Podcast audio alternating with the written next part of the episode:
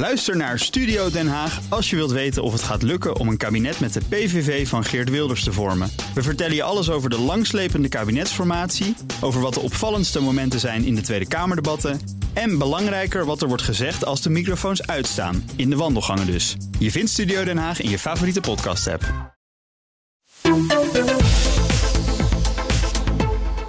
Het is woensdag 4 oktober 2023, net iets over tienen. En dat betekent dat we in afwachting zijn van de persconferentie van Pascal Canvin.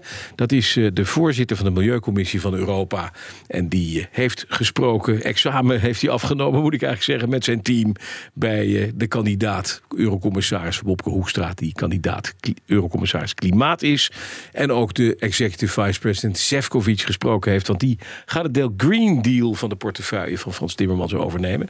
Nou, we hoorden het net al eventjes in het journaal. Iwan, hoe lopen de hazen op dit moment? Het ziet er wel goed uit, denken we, voor Hoekstra. We kijken nu naar trouwens vier lege spreektafeltjes op een, eh, op een studiootje ergens in Straatsburg. En we zien wat mannen tussen de coulissen daar heen en weer lopen, maar nog niemand. Als er iets komt, dan hoor je dat uiteraard meteen. Maar wat weten we tot nog toe? Wat we weten is inderdaad, um, afgelopen maandagavond was natuurlijk de eerste hoorzitting van Hoekstra in het uh, Europees Parlement. Nou, daarna waren nog wat vragen. Ja. Die zijn schriftelijk gesteld. Daar is vanochtend antwoord antwoord op gegeven.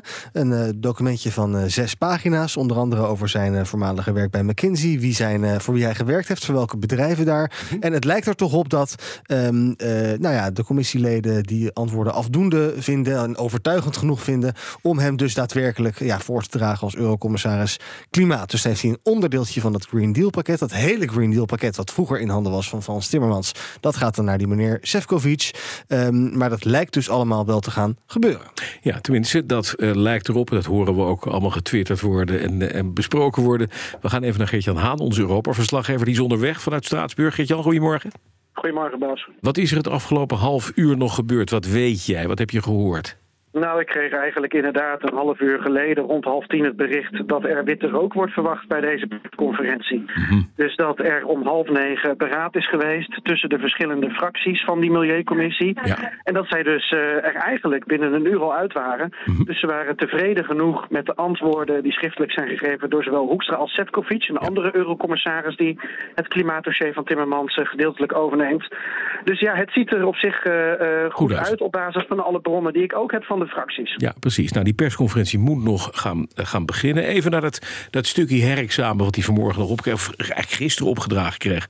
En vanmorgen voor zevenen per e-mail moest aanleveren aan die Milieucommissie. Weten we wat hem daar gevraagd is? Wat hij, wat hij moest gaan beantwoorden? Waar er onduidelijkheid over was en van welke kant dat kwam? Jazeker. Uh, nou, je weet niet precies vanuit welke fractie welke vraag is gekomen. Mhm. Maar je zag dat er uh, zo'n 7 à 8 vragen waren voor zowel Hoekstra als Sefcovic. Gedeeltelijk dezelfde vragen. En dat had dan te maken met dat ze dus eigenlijk zich niet ambitieus genoeg hadden opgesteld. Of sommige vragen gewoon niet helder genoeg hadden beantwoord of uiteengezet. In het geval van Hoekstra ging dat nog specifiek over McKinsey. Ik weet niet of jij die passage toevallig hebt gezien, uh, Bas of Iwan. Hm. Maar uh, ja, Hoekstra is dus toch nog gevraagd: kun je nog aangeven of je in het verleden voor andere Shell hebt gewerkt, bedrijven hebt gewerkt? Ja. Shell inderdaad, als consultant. En ja. Hoekstra geeft aan in de brief dat dat niet het geval is en dat hij zo snel mogelijk uh, al zijn uh, werkzaamheden als consultant openbaar zal maken. Dat is wel een beetje politiek spel, moet ik eerlijk zeggen. Ja. Want, waarom? Ja, als, het, als het beslissing al genomen is, dan is het een beetje de, de, de, de, ja, maar de toezegging. Dat, de maaltijd, dat, of niet? Dat, komt ja. toch, ja. ja. Nou jongens, het heeft ook te maken met dat er natuurlijk al een uh, integriteitscheck vooraf is geweest. Ja. Dat was het begin van het pro proces. Ja, is ook al twee keer minister geweest. En toen is hij natuurlijk ook gecontroleerd. Dus als er echt iets verborgen is gebleven... en ja, weet je, Hoekstra heeft een klein beetje het nadeel... dat er in het verleden een... Uh, uh, geld van, van zijn kant naar een of ander safari-park van een vriendje in, uh, weet ik veel, uh, Afrika is opengemaakt. Dat bleek dan uit allerlei onderzoek naar de hand. Dus hij heeft een smetje over dat hij niet helemaal transparant is. Maar ik kan me niet voorstellen dat dit nou echt tot problemen gaat leiden. Het is echt een beetje een politieke vraag van de Groenen geweest, van Bas Eickhout. Die gewoon toch nog even hier punten even mee, en mee wilde scoren. Ja, nog eventjes, Jan, naar de gevolgtijdelijkheid. We krijgen zo die persconferentie. Nou, dan krijgen ja. we daar waarschijnlijk rook. Dan zal Canfin, de voorzitter van de commissie, waarschijnlijk zeggen... nou, het wordt Hoekstra, het wordt uh, Sefcovic... voor ja. die diverse onderdelen, portefeuille, Timmermans. Dan is er morgen nog een debat in het Europees Parlement. Dat werkt toch een beetje anders dan onze eigen Tweede Kamer. Hè? Daar kunnen parlementariërs nog best ook Hoekstra lastig maken, zijn benoeming ook. Nou, ik, ik denk het niet. Uh, ik denk dat dat, uh, zoals het wel vaker gaat met politiek, achter de schermen al is beko uh, bekokstoofd. Hm.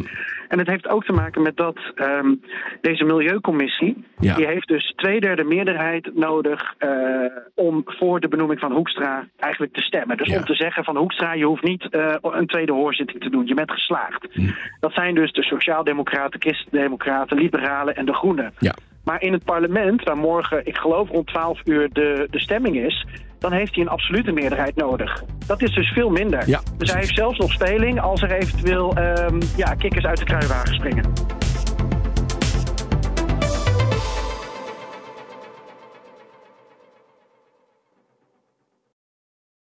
Ook Bas van Werven vind je in de BNR-app. Ja, je kunt live naar mij en Iwan luisteren tijdens de ochtendspits. Je krijgt een melding van Breaking News. En niet alleen onze podcast Ochtendnieuws, maar alle BNR-podcasts vind je in de app. Download nu de gratis BNR-app en blijf scherp.